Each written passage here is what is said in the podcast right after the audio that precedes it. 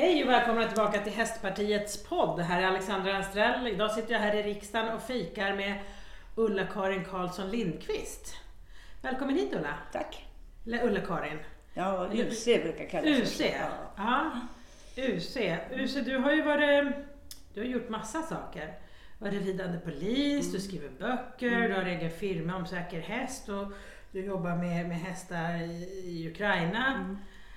Det är så spännande. Jag tänkte vi börjar med polisrytteriet. Liksom. Ja. Vem är du och vad gjorde du där? Ja, nej, jag eh, kom dit egentligen. Det var inte meningen jag skulle till rytteriet, men jag hade häst själv när jag sökte polisen. Ja.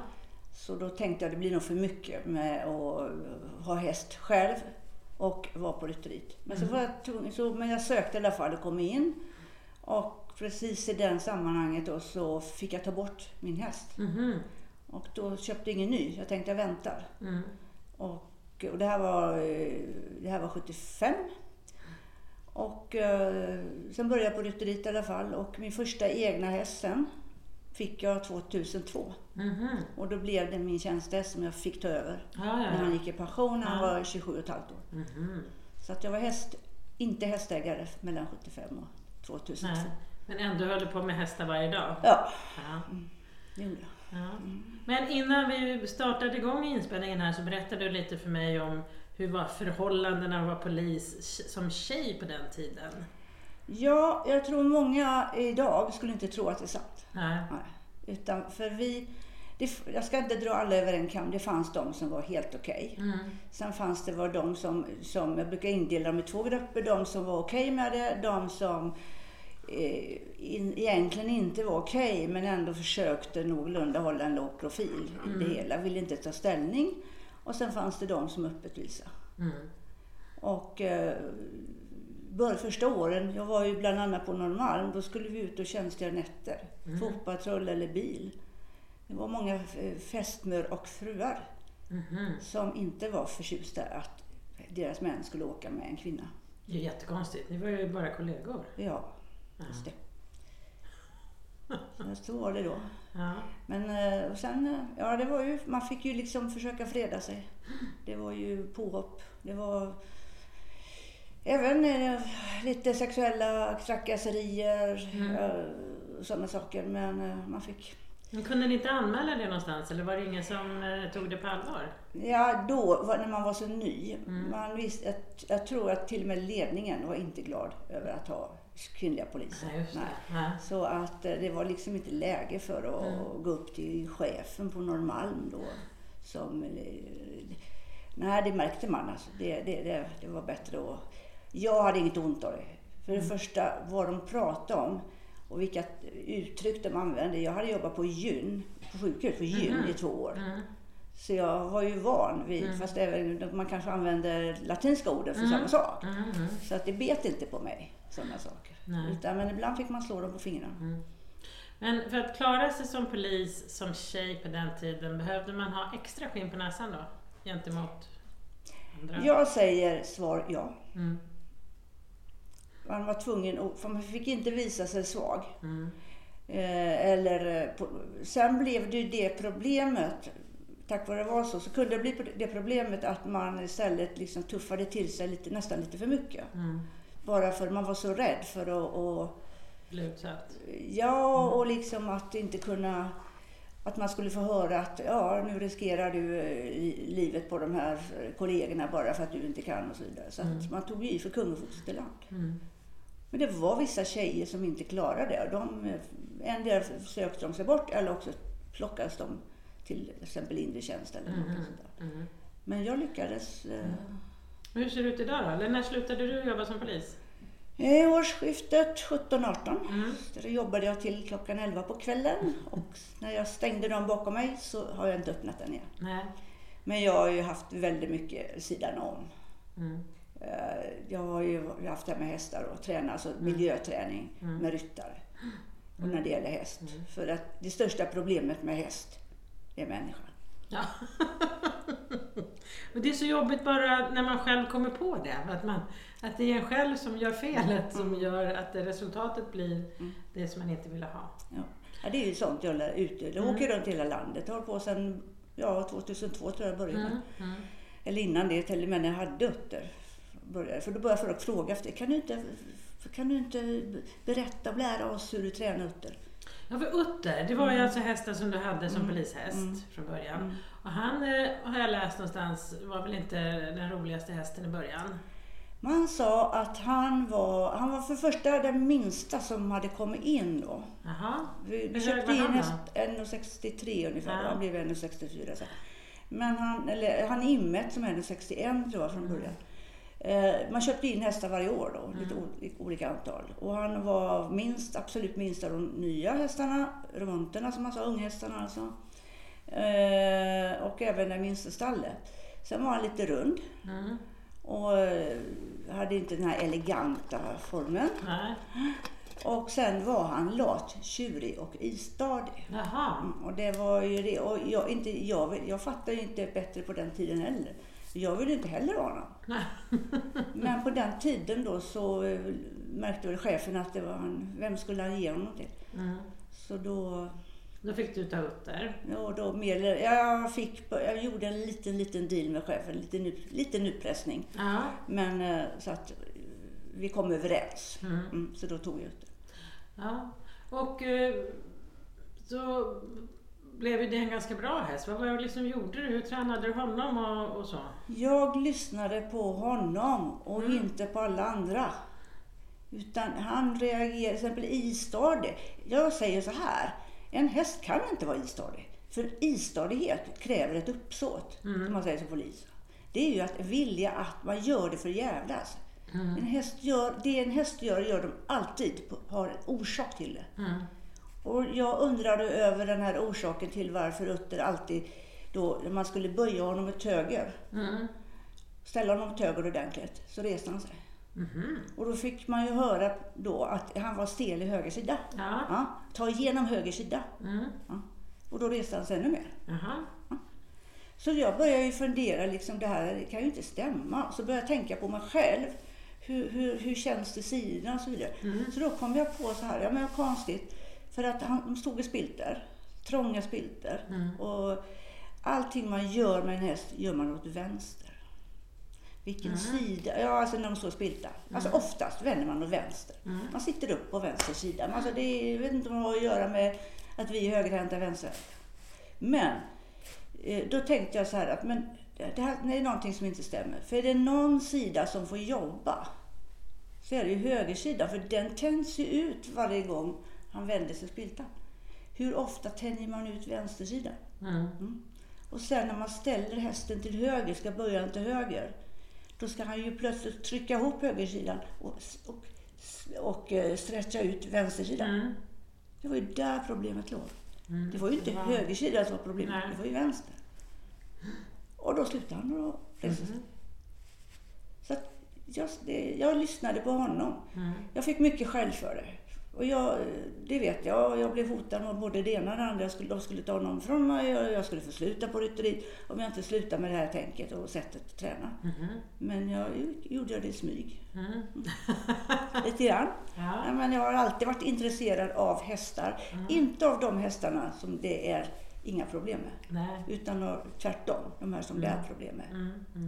Det har jag varit alltid. Mm. Och det var inte roligt att vara på ridskola och vara 9 år, 10 år, 11, 12 år och tala om för en ridlärare att de hade fel. Nej, men precis. Ja. Men eh, så, så att jag lyssnade på honom och till ett, ett, exempel. Han avskydde ridhus och ridbanor. Och Han avskydde egentligen dressyr och hålla på så. Ja. Men han älskar att vara på stan. Ja. Så när jag var, tränade upp honom, jag har ju tävlat honom i både hoppning och uppe i medelsvår dressyr. Mhm. Istället för att träna då ridhus och på ridbanorna. Mm. Där gjorde jag så lite som möjligt. Då red jag ner till exempel på stan. Ja. Ja, där gjorde du? Ja, då tränade jag till exempel Berzelii park. Mm. Utmärkt på de här slingorna där. Ja. Humlegården. Ja. Lite, öppnare och sluter där. Och... Ja. Ja, ja. Men det kan ju inte vanliga ryttare göra. Så det är omöjligt. Men så jag löste problemen Mm. genom att hitta en annan väg. Mm. Mm. Och så har jag varit hela tiden. Mm. Lös problemet. Vad är problemet? Du kanske inte hittar problemet direkt. Du kanske får, det blir fel. Nej, det var det inte den vägen. Då får vi ta en annan väg. Men det som jag brukar säga och som har skrivit, försök. För försöker du kan du inte lyckas. Mm. Eh, försök olika vägar. Det är inte alltid vi lyckas lösa problemet. Men vi har ändå försökt. Mm. Mm. Men um, då funkar det ju Utter bra till slut då? Ja, han skulle ju bli den bästa häst har haft. Ja. Han var ingen stjärna på hoppning. Han Nej. tog sig över eh, en meter ungefär. Mm. Mm. Han var ingen stjärna på dressyr. Eh, han gick upp, jag hade upp honom i medelsvår, B2 på den tiden. Mm. Eh, han, var, han gick med godkända poäng. ja. Men inte... Men det var ändå galoppombyten Ja, ja, ja, det. De, vissa grejer Mm. i dressyr. Gal, galoppombyten, eh, travökningar, Mm. älskade han. Mm, Men det han älskar mest var halterna. Ja, ja. Ja, vad kul. Men eh, han funkade bra som polishäst då? Ja, Ja, ja, Han gillar att vara ute på gator och torg? Ja. Och han liksom... eh, Han, han, och det hela att han var så trygg. Han var ju trygg redan när han kom. Det har ju att göra med hur hans mamma var. Mm. Jag känner ju uppfödaren och pratar med... Mm. Och det är hon, vissa saker reagerar han för. Pratar med uppfödaren. Då sa, visade sig mamman hade... Och det är ju så det är. Mm. För reaktionerna som hästarna gör, som vi misstolkar, det är ju sätt att överleva. Mm. Ja, ja, de är ju flyktdjur.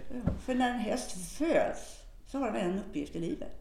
Det är att överleva och reproducera sig. Mm. Det är ju naturens sätt att få arten att leva vidare. Mm. Och det är det de gör. Medan vi tycker de är dumma.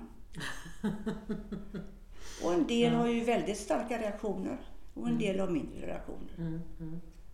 Jag tänker om man nu ska vara polishäst så måste man ju ha ett ganska, vad säger man, starkt psyke. Alltså jag Mm. tänker, man ser på TV kravaller och där står det ni ridande poliser med de här hästarna som Mm. verkar helt oberörda. Mm. Hur får man en häst att bli så? Hästen har ingen aning om kravaller är. Nej. Hästen har ingen aning om att det är människor som vill, kanske vill oss illa. Nej. Hästen vet inte att vi, att vi är människor. Så att hästen är, är ju nollställd så att säga. Jag Mm. vet inte ens att den är häst. Hur Nej. vet du det? Hur vet du det? Jo, om du till exempel, eh, det är ju så här att hästen har aldrig sett sig själv i spegeln. Nej. Jo, det kan man ha gjort. Ja. Till exempel i ett ridhus. Ja. Men vad man inte tänker på, det är att hästen sätter inte, förknippar inte sitt eget utseende med, de har inte den intelligensen. Ja, okej. Sitt eget utseende, eller spegelbilder med sitt eget utseende. Aha, aha. Det är Utan- som min taxvärd, man tror att det är en kompis där. Ja, ja, ja, och då är det ju problemet, det brukar jag undervisa i när jag har mina lektioner, att eh, vad man kan se det på, som du frågar, Mm. det är ju att om din häst har en hög rang och får syn på en, som jag säger, en ny flockmedlem, en Mm. okänd flockmedlem som den inte har sett förut. Och den flockmedlemmen, alltså som ser ut som flocken, flock, Mm. det skulle kunna vara en elefant, Mm. om det är ele- elefant i flocken. Mm. Och din häst har en hög rang. Vad möts den av för rang i spegeln? En högra. Mm. Och vad händer när två högrangiga... Och då blir det pang. Ja, och det kan bli pang i spegeln. Just det. Och hade de då vetat, nej men det är jag. Mm. Så hade de inte gjort något. Nej, jag förstår. Ja, Det är, allting har en förklaring. Mm. Så att, eh, man bara, bara tänker inte. Nej. Det är detta jag försöker lära ut. Det är detta som jag har skrivit i böcker. Just det här att hur hästar ser på saker kontra vad vi gör för fel. Men jag tänker det är ju ändå, eh, vad ska man säga, eh, vanligt att man säger så här, åh men han är så tittig och han Mm. hösten är rädd för i stallet där jag är ganska nära så finns det ett större stall och sen Mm. så finns det ett islandshäststall. Mm. Och många från det större stallet där är hästarna rädda för islandshästarna. Mm. Mm. finns också förklaring. Men varför är det så liksom? Därför att de är prä, de, alltså hästen präglas från Mm. början på... eh, Alltså de, det, här, det här är ju en prägling, alltså inaktiv inlärning, omedveten inlärning. Det är ju Mm. det här vi gör när vi till exempel föds själva och vi börjar att prata. Vilket språk pratar vi? Vilken dialekt? Mm. Men om vi går en eh, till exempel franska kurs, ska lära oss franska, då Mm. pluggar vi aktivt. Mm. Och det, kan man, det här aktiva pluggandet, eller inlärningen som vi, det kan man ju säga, det är ju det vi, vi, vi lär hästarna aktivt att de ska börja trava där och där, de ska galoppera och eh, olika saker. Då lär vi dem göra det på signaler. Mm. Och det är ju där problemet blir sen, när vi, när vi blir rädda och ger dem för mycket signaler samtidigt. Mm. Men annars är ju prägling, det är ju egentligen tre stora saker brukar jag säga. Det är utseende, det är rörelse och det är läte. Det kan Mm. även vara dofter och sånt. Men utseende till exempel. Och där har du en sån grej. Första gången en häst kanske möter en shetlandsponny så kan de tvärnita. Ja. Eller travare. För de har ett lite annorlunda utseende. Mm. De är rätt små och så rör de sig och lite grann, an- kanske inte eh, om de tultar eller Mm, speciellt mm. och flygande pass och sånt. Så då blir det där. Första gången Mm. Utter mötte en fjordhäst. Var på Skansen, jag hade haft Utter ett par veckor. Det var någonting som gnäggade i bakgrunden. Han gick förbi, det var alla djuren på Skansen. Det var björnar och vargar och allt, eh, älgar och allt vad de hade. Mm. Inga problem. Och så hördes det en gnäggning. Och så när vi kom fram runt en kurva så tvärnitade han. Det var en fjordhäst. Och på Mm. den tiden fanns det inte så mycket fjordhästar i. Sverige. Och därför att den lät som en flockmedlem. Den rörde sig som en flockmedlem, alltså som Mm. rörelsemönster. Men utseendet. ja, just det. Och det är ju så hästar gör. Spännande. Och en del reagerar mer och en del reagerar mindre. Men det största problemet är med oss, det är vi. Mm. Därför att om det händer något någon gång, hästen reagerar för något, då har vi programmerat vår hjärna. Mm. Mm. Så vi väntar bara på nästa gång. Mm. Nästa gång vi kommer på det stället så har vi redan förberett oss Mm. genom att då ge hästen, ta tag i hästen och göra helt fel. Ja, Ja, istället för bara låt hästen sköta det. här. Mm. Mm. Han klarar sig bra när han är själv i hagen. Mm. Eller med. Det är, Ja, det. Är därför man får eh, alltså, olika Mm. och reaktioner även på alltså, att de reagerar på andra hästar. Men om de till exempel växer upp, en, en, det är likadant som du har en flock hästar eller, ja, i hagen och alla är bruna och, svarta. Mm. Och sen plötsligt en dag kommer det en skimmel eller en skäck släpps in i hagen. Då kan det bli problem. Mm. För de känner igen rörelsen, Mm. de känner igen lätet men utseendet stämmer inte. Ja, just det. Det kan ju vara ett rovdjur. Mm. Mm. Mm. Eller att, bli till, att ett rovdjur dras blir en, något som utsätter for, flocken för fara. Mm. För rovdjuren går ju på de som är lätta att urskilja och lätta och gamla och, och så vidare. Som det är lätt att skilja ut. Just det. Ja. Men du, det här med säker häst då, som du jobbar med och som du också har skrivit eh, fyra böcker om. Ja, Säker häst har skrivit en bok. En bok, ja. En uppdaterad upplaga nu som är lite, ja, lite utökad också. Och det handlar om hur man tränar sin häst att bli en säker häst.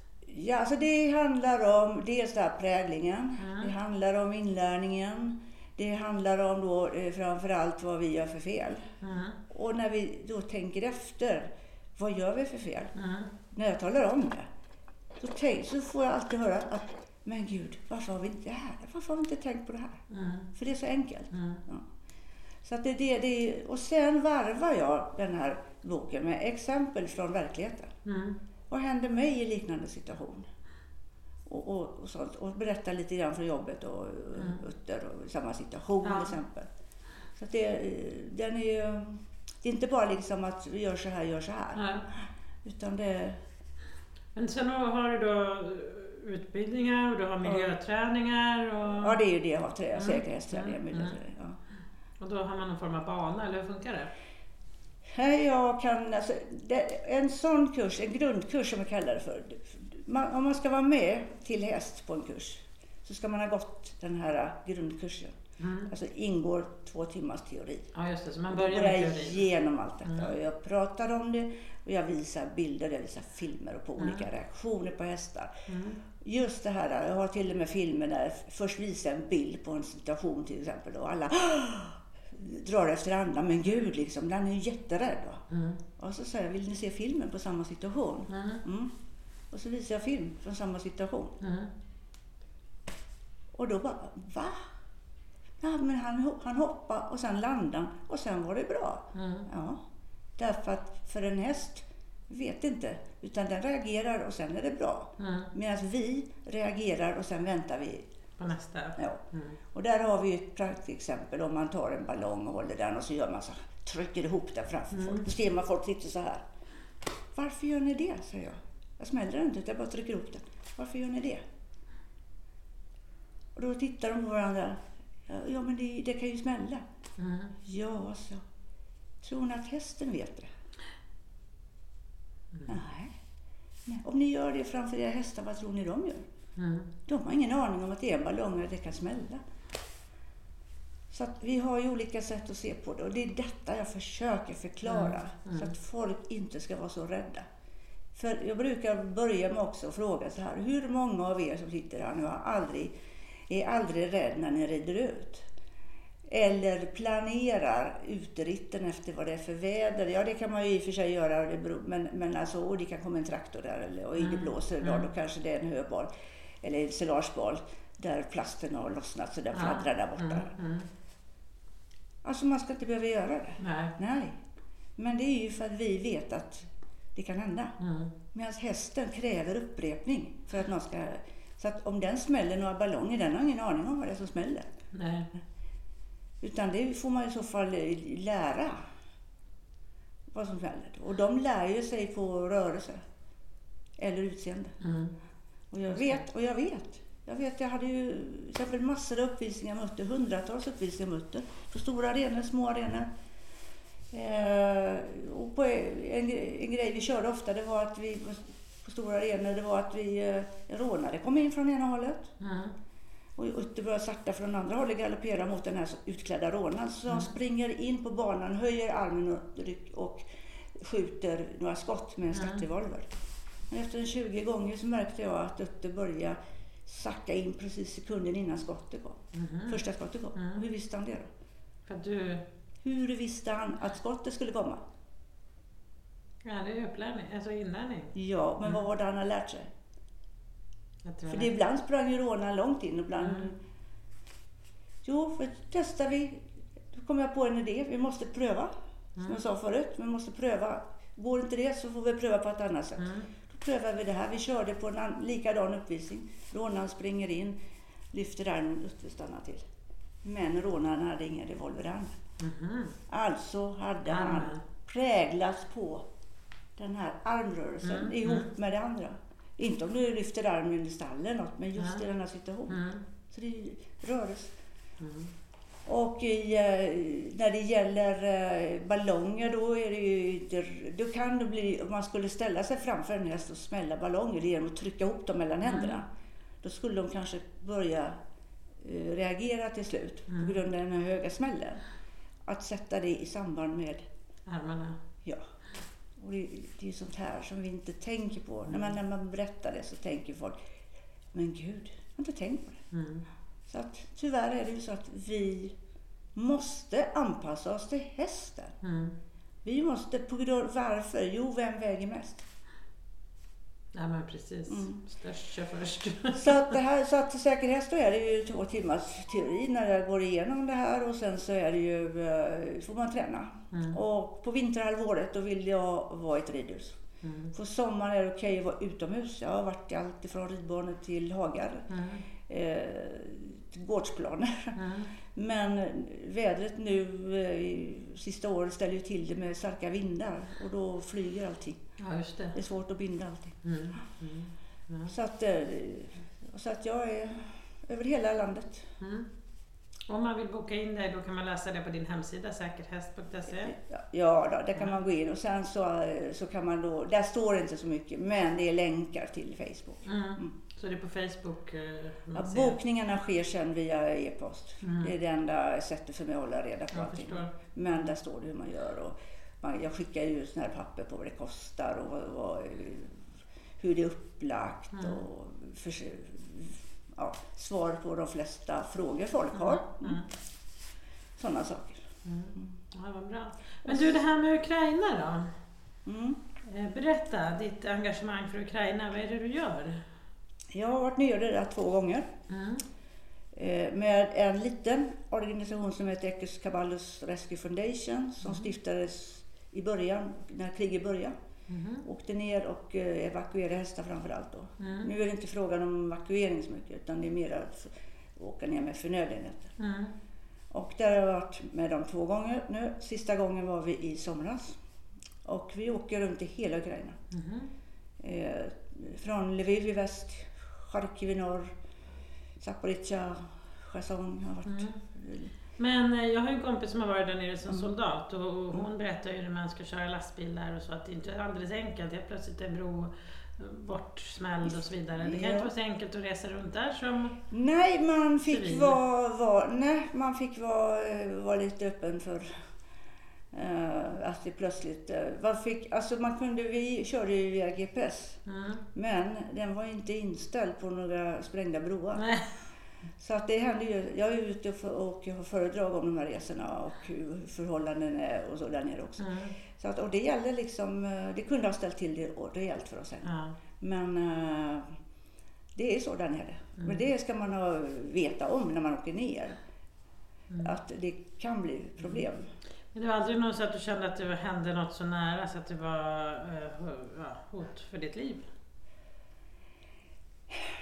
Ja, alltså vi var ju väldigt nära fronten. Mm. Det var ju inte egentligen meningen. Sen i Chersong, där fick vi, eh, när, där skulle vi eh, lasta av fyra ton hö snabbt. Sen så skulle vi lasta på några hästar. Och där sköt de hela tiden. Mm.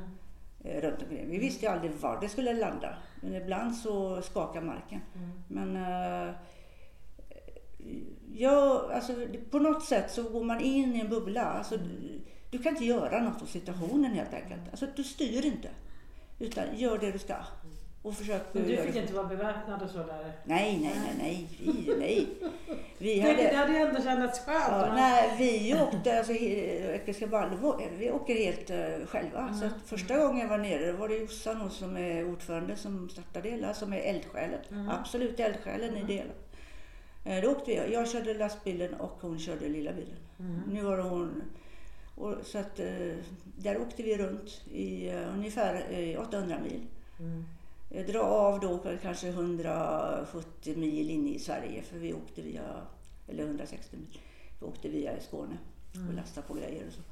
Men, eh, och vi hade ingen med oss. Vi fick låna en chaufför, eller en kille som var van att köra häst. Mm. En ukrainare som kunde lite engelska. Men Då. var det inte problem där med jag tänker komma över gränsen och så när man kommer med grejer? Ja, men då, det är så här att ett samarbetar med förbundet där nere. Okej. Så att eh, innan man kör över gränsen så får man, vi körde alltid till eh, ett ställe vid gränsen Mm. eh, där vi fick alla papper. Okej. Mm, så det var ju skickat ner från Sverige och sen så satt de och skrev ut och så hit och dit. Så de pa- papperna hade vi med oss. Mm. Mm. Eh, Så det var inga problem för oss. Eh, Det som är problem det är att all transport via eh, går landvägen. Mm. Vilket gör att det är ju milslånga köer ibland. Mm. Eh, Vi hade tur när vi kom för det var väl bara en kilometer kö. Mm. Eller bara. Men eh, så att den gränspassagen gick hyfsat bra.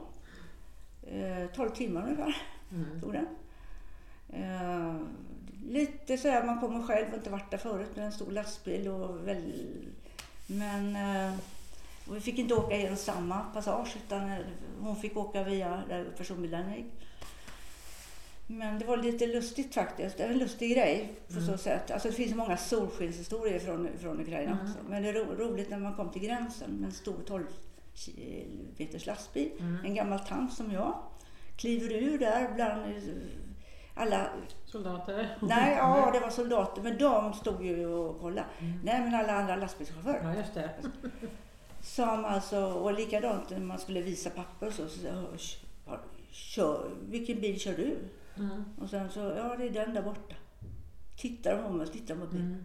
Har du kört, var, var kommer du ifrån? Sverige? Har du kört den där själv från Sverige? och på ett ställe då, var på ditvägen också, då var det en lastbilschaufför, en ukrainare, som de står i köer för alla, man får inte gå in och vänta utan man står ute vid alla sådana här luckor. Ja. Och det var kö. Mm. Och han började prata med mig och fråga och samma sak. Och när han fick höra detta så tog han med om axlarna så här och så sa han till de andra. Hon går först. Så varenda kö vi hamnade i så tog han med. Hon går först. Mm. Så det var ju lite roligt. Ja, men vad härligt. Ja, då blir man ju så glad när, man, när det sånt där händer. Ja. Men sakerna som ni hade med er då, var det saker som folk hade skänkt eller skänkte Ja. folk pengar eller? Eh, folk skänker pengar, Mm. eh, men folk eh, framförallt skänker saker. Men problemet är när man åker ner det är att eh, sakerna som folk skänker ska tas ner också och det Mm. kostar pengar. Mm. Så att Ni Ja. behöver både pengar och saker. vi behöver både pengar och saker. Och, Planerar du för någon ny resa nu då? jag, jag åker på måndag ner. Nej. Ja, fast en liten organisation. Vi ska köra ner bilar, Mhm. eh, utrustning och bland annat till eh, som delades till sjukhus och till militärt, alltså till fronten. Mm. Varma kläder, kängor, Mm. alltså inga vapen eller något sånt. Nej, nej, men alltså civila... Förnöjelser, bilar då som kan göras om till um, tillfälliga ambulanser Mm. och sånt. Men då åker ni i en karavan med ett gäng bilar? Ja, vi är fem eller sex bilar ner. Mm, Så mm. åker vi över gränsen och in, eh, inte så långt. Och sen lastar vi av oss ut Mm. igen. Ja, om ni ska lämna bilar och allting så här, åker ni tåg hem då eller? En bil knöt vi ihop oss i. Okej. Mm. Mm. Annars får man ju åka tåg Mm. och över gränsen. Och om inte någon kör det nu. Ja, just det. Och sen flyger hem eh, från Warszawa hem. eller något. Ja, eller Krakow eller ja, någonstans. Mm. Ja. Mm. Så att eh, det är de jag åker med nu. Ja. Sen så eventuellt har jag... Men din familj, vad säger de om att du Ja, min, nej, jag, jag har inga barn så att, nej, Okej. min man han är barn. Ja. Han är gammal, han är gammal brandgubbe. Så att han, han är barn. Nej men, eh, nej det är inga problem. Nej. Mm. Så sen eventuellt i vår ska jag ner igen med en annan organisation. Också, Så att på. Men då blir det liv att stanna där ett par veckor. Okej. Ja.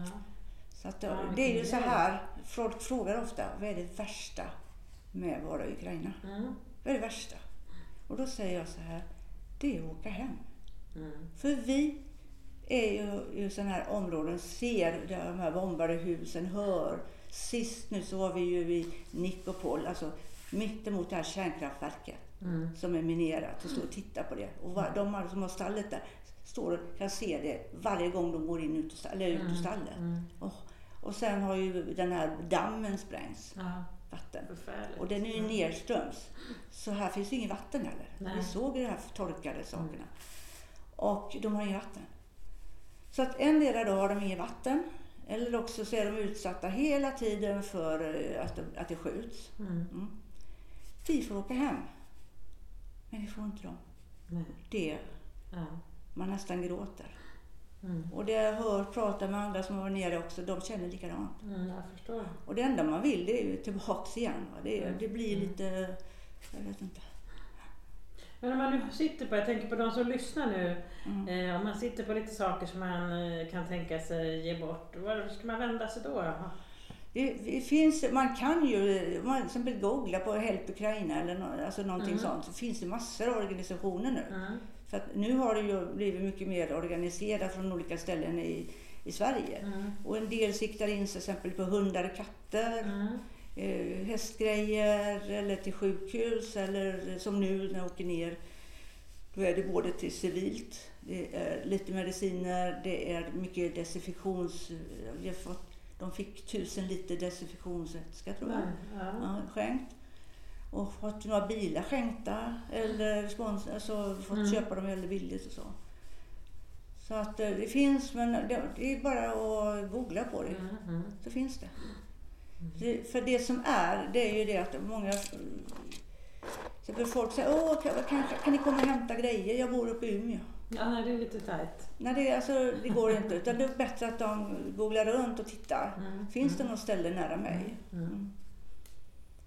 Men framför allt så vad vi inte tänker på det är att det kostar pengar. Ja.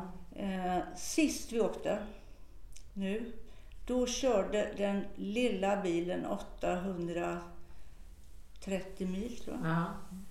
Och den stora 780. Det var för att vi gjorde en extra tur upp till eh, Charkiv för att hämta en häst. Evakuera en häst. Och då var på hemvägen. Mm. Och då körde, det var, vi körde från Zaporizjzja då och då körde stora bilen direkt mot Kiev. Alltså hemåt. Mm. Medan vi då åkte upp norr med den lilla bilen. Ja, Så därför blev det lite längre Ja. mellan. Men då bensinkostnader, det är ju inte så billigt med bensin eh, nu för tiden. Är det något som man då har samlat in pengar till så att ni har, eller är det något som du själv bidrar med? Jag har ju haft mycket nu för Clinics, för, alltså säkerhetskliniks för Ukraina. Mm. Där eh, det jag ska ha går till Ukraina. Mm. Eh, föredrag för mina resor, två resor då i Ukraina. För, där också jag tar inget betalt utan, men de ska de skänka exempel 100 kronor, minst 100 kronor per person som Mm. lyssnar. Mm. Och som jag då förmedlar vidare. Eh, och sen, ja, man lägger ju ut lite själv Mm. också. Mm. Sponsrar med det och hjälper till. Mm. Så, Det är fantastiskt. Vilket engagemang. Ja. Men, eh, och bensin, många frågar, bensin, finns det bensin där nere? Ja, det finns bensin. Det Mm. finns diesel. Första vändan jag var nere var för ett år sedan. Då hade inte alla mackar diesel. Nej. Utan där fick man, eh, vissa fick man åka förbi för de- där står det nersläckt. Men nu, finns det. Jag, Om de inte är- blivit någon ändring nu i eh, vinter. Men i somras då fanns det överallt. Men har du med dig någon extra dunk om det skulle krisa? Vi försöker ha det. Mm. För, så att man har, man har, för, har nödbränsle så att säga. Mm.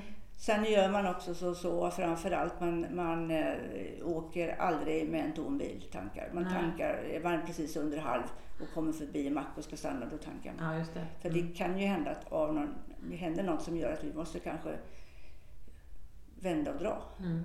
Och då säger man väl i alla fall typ man skulle kunna ta sig 15 mil i alla fall. Mm. Mm. Ja. Det, det är sånt man måste tänka på också. Mm. Och sen när det, annars när vi åker där eller ska till ställen där det är lite oroligt. Och då, då, vi har inga vakter med oss eller något. Utan Nej. vi, eh, då pratar man med soldaterna. Mm.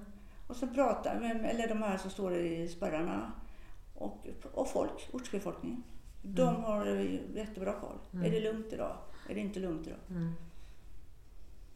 Ja, jag är helt eh, begeistrad alltså att du ger iväg så här. Det är ju eh, eh, Nej, och- inte alldeles enkelt. Och Hur så- det funkar det med mat? Alltså har ni mer fika i, i Det hytten då eller? Ja, Ja. vi, alltså en volontär då. Och vi eh, har med oss all mat själva. Mm. I bilarna eller vi köper på vägen. Mm. Jag brukar leva på yoghurt när jag är nere. Brukar finnas på mackarna. Mm. Eller går man, stannar man och går in i någon liten affär och handlar. Och så. Ja. Men, eh, så det finns ju så. Däremot så kan det vara problem med hästarna då. Att de, eh, I vissa områden, de här hästarna som är i ockuperade områdena. Alltså, vi har ingen, det finns ingen möjlighet att ta sig dit. Nej. Man vill inte ens tänka på hur de har det. Eh, sen vissa ställen då, speciellt förra vintern var det ju värre. För då hade ju eh, i de områdena där ryssarna hade varit och där de hade ockuperat och sen Mm. lämnat. Det är ju så minerat. Just Vilket det. gör att du kan inte skörda fält som är minerade. Nej. Nej. Nej, Vilket det är gjorde klart, att det stod och det ja, och det, det gjorde ju att det blev brist på mat. Mm. Så, och nu är det ju brist på mat exempel på vissa ställen på grund av torkan. Ja. Och att de inte kan... Mm. Och, det, och de ligger nära alltså något hundra meter från, eller inte ens det, 400 meter från fronten. Ja. Mm. Så att det är inte alla som vill åka ut och, och vara i skott. Nej, nej, verkligen inte. Jag förstår. Nej, Men Ja. det är sånt där jag berättar om i, eh, på mina föredrag. Ja, för att folk ska förstå. För tyvärr är det så att idag har Ukraina hamnat inte längre på första sidan. Det är, Nej, inte, all- det. är kanske i vissa tidningar någon liten notis någon gång. Mm. Ja, men det är mycket Gaza. Det har också annat. flyttat från första sidan. Mm. Så då blir det så att folk, eh, ja vi vänjer oss vid det, Ja, tror ja. jag. Ja, men så är det. Ja. det är så är det absolut. Ja, nej, men det är jätteviktigt. Mm. Och då kan man alltså boka in dig, både hålla föredrag om Ukraina och Ja. sen eh, med säker häst. Mm. Eh, det är ju fantastiskt. Mm. Och sen när det gäller säker häst så är det ju också så här, det är inte bara, jag har ju en grundkurs där med teori och så får man träna då. Och, så, Mm. och det är ingen konstig träning. För det är träning på något förhoppningsvis som du inte har gjort förut. Ja. En sån enkel grej som du lägger ut ett papper framför hästen. Eller to, to, säg bara toapapper. Ja. Dra ut ett toapapper och så ska hästen gå över. Ja. Såna, och det kan man ju träna själv. Men det gäller ju att lära sig att träna rätt. Ja, just det. Så att lyssna på hästen, lär dig hästens signaler. Och det är det jag visar också och på bilder och filmer. Titta nu de gör så och så. Ja. Och när de låter så här så betyder inte Ja. det att det är rovdjur. Utan det kan lika gärna vara en fråga. Hopp, Ja. hur ska jag göra nu då? Medan vi tolkar det som, "Åh, han är jätterädd. Ja. Jag försökte få igenom min, jag har en PRE hemma. Eh, Jag försökte få igenom eh, genom, eh, jag vet inte, kallas någon form av portal där det hängde ner plastremsor så här. Mm. Eh, och han ville ju absolut inte Nej. gå där. Han kunde ju gå fram och han Ja. fick godis när han kom fram. Mm. Men det är inget konstigt. Men ville inte gå igenom. Det är inget Hur ska man göra då för att han ska gå igenom? Du måste börja med, som jag säger, fråga varför. Ja. Ja, det ska man alltid ställa. den. ja. Han Vi- svarade ju inte. Nej, nej, nej, gjorde han inte. Nej, men det är så här. Vi vet att det är plastremsor Mm. och de flyttar på sig. Mm. Medan hästen vet inte att det är plastremsor som flyttar på sig. Utan för hästen är det en vägg. Jaha. De måste komma på detta själv. Mm. Så man börjar inte att hänga en massa plastremsor. Utan jag kör plastremsor också. Men första gången folk ska göra det, då börjar man göra en öppning. Och så kanske som en gardin, köksgardin. Ja. Snyggt va? Ja. Mm. Och lär hästen, det här går det gå. Det finns en väg här. Mm. Ja. Och sen börjar man ju täppa för, alltså göra öppningen. Ja. Men då gjorde jag rätt för jag gjorde det som en gardin sen och det gick han igenom. Ja. Ja. Men Sen ja, ja men hängde du fram dem sen? Nej, det hann vi inte. Vi var Nej. Nej, men då, då börjar du som en gardin. Mm. Och sen så gör du den här äh, öppningen utifrån, alltså sidorna, Mm. smalare och smalare. Ja, just det. Inte hänger fram ett band eller två band. Nej. För det kan på en del hästar vara samma Ja, som en väg. ja. Utan gör smalare och smalare. Och till slut så börjar hästen då få dem på sig. Att de, Ja. får, de får dem på sig. Men de vet att det finns en väg att gå. Ja. Ja. Och sen så ser man att de har, så kommer de till en gräns där det är stopp. Då kanske stoppar igenom huvudet men inte kroppen. Mm. Och då vet man att jaha, då eh, fattar de inte att det, det är hela jag får plats. Ja. Och ofta börjar de vandra lite grann framför. Ja. Eller slå, slå med huvudet på ett speciellt sätt. Mm. Och då brukar jag säga, titta nu på huvudet, titta på hur han gör. Nu, det här är inte att han är rädd, han letar en väg. Mm. Alltså han vandrar, han letar en väg. Mhm. Och det är likadant som en, till exempel man ser vilddjur. Alltså flockar som ska över en vattendrag eller något. Det är ofta, eller hoppa över något dike. Det är oftast inte att bara fram och hoppar utan ofta när de är vild- vilda eller lösa så stannar de till och så vandrar de lite grann och så Mm. rätt vad det så går de över. Och det är ju så, de, de, de ska ha en väg att gå. Mm. Och i det här fallet när det hänger något framför dem, då är det ju problemet, vad ska jag göra? Mm. Hur, hur gör jag nu? Någon har stängt vägen. Mm. Och det är likadant om det är rök, tjockrök. Mm. Tror folk att de är rädda för röken, de vill inte gå igenom röken. Ja. Nej, men hästen vet inte att det är rök. Nej. Utan har man väldigt tjock rök och ska ha igenom en häst. Mm. Ja, hästen, vi vet att det bara går igenom röken, det är luft. Mm. Men det vet inte hästen. Nej, För, hästen. Ja. Ja. Sådana här små saker va, Ja. som gör. Och det är likadant, de ska ha dem att gå i. Vissa hästar kan det vara som man lägger ut i papper, då vägrar de att gå. Absolut. Då kan man alltså tänka, är det en hopphäst? Ja, hur ofta skrittar de över någonting? Mm. Eller en fälttävlanshäst. Då kanske man får trava över istället. Ja, pröva den vägen. Ja. Eller bygga upp det som ett hinder. Mm. Men om de absolut inte går, oftast det har det att göra med chaufför. Mm. Då kan man öppna det här bandet på mitten och vika det åt sidan. Ja, just det. Så det blir en öppning. Mm. finns det en väg att gå. Mm. Och sen så gör man samma sak. Gör Mm. öppningen mindre och mindre. Och det är sånt här som jag skriver, förklarar i boken och Mm. förklarar på kurserna. Mm. Ja, det känns som att man har mycket att lära här AC, verkligen. Mm. Men du, eh, jag tänker på de som lyssnar, de kan gå in på din hemsida eller de kan gå in på Facebook Mm. för att se hur man gör och ta kontakt med dig. Och jag har även Facebook då som heter U-C säkerhäst. Ja, ja. U-C säkerhäst. Så där kan man gå in och lära sig mer. Ja, det är, inte, det är för mycket bilder och så. Ja, man ja, kan men- inte läsa, alltså jag, ibland har jag förklarat lite. Mm. Men, men där kan man se vad jag sysslar med. Ja. Och vad vi har för träningar. Nu är det väldigt mycket som ligger där, är det från fortsättningskurser. Ja, Jag ja. har ju det också. Mm. Jag har ju de som jag har haft i flera år regelbundet. Mm. Och då är det ju nästan svårt att hitta på övningar till slut. Så att man får ändra och grejer. Ja. Men det är ju alltså största problemet det är ju att vi inte förstår Ja. häst, hur hästen är. Och... Usch, det är alltid så jobbigt när man behöver rannsaka sig själv. Ja, men du verkar ju själv nu när du pratar plastbanden. Ja. ja, men du, stort tack AC. UC. UC, förlåt. Eh, var för att jag har en kollega här borta som heter AC som jag tänkte Ja, fel ja, ja, ja, UC. Ja, det finns en del som säger. Ja. Eh, och till er som lyssnar så, um, så kommer det snart ett nytt spännande avsnitt av Hästpartiets podd. Och jag och UC fikar vidare här med pepparkakor. Det måste man ju alltid ha på kontoret. Och eh, ja, så hörs vi av helt enkelt. Tack snälla UC för att du kom. Tack!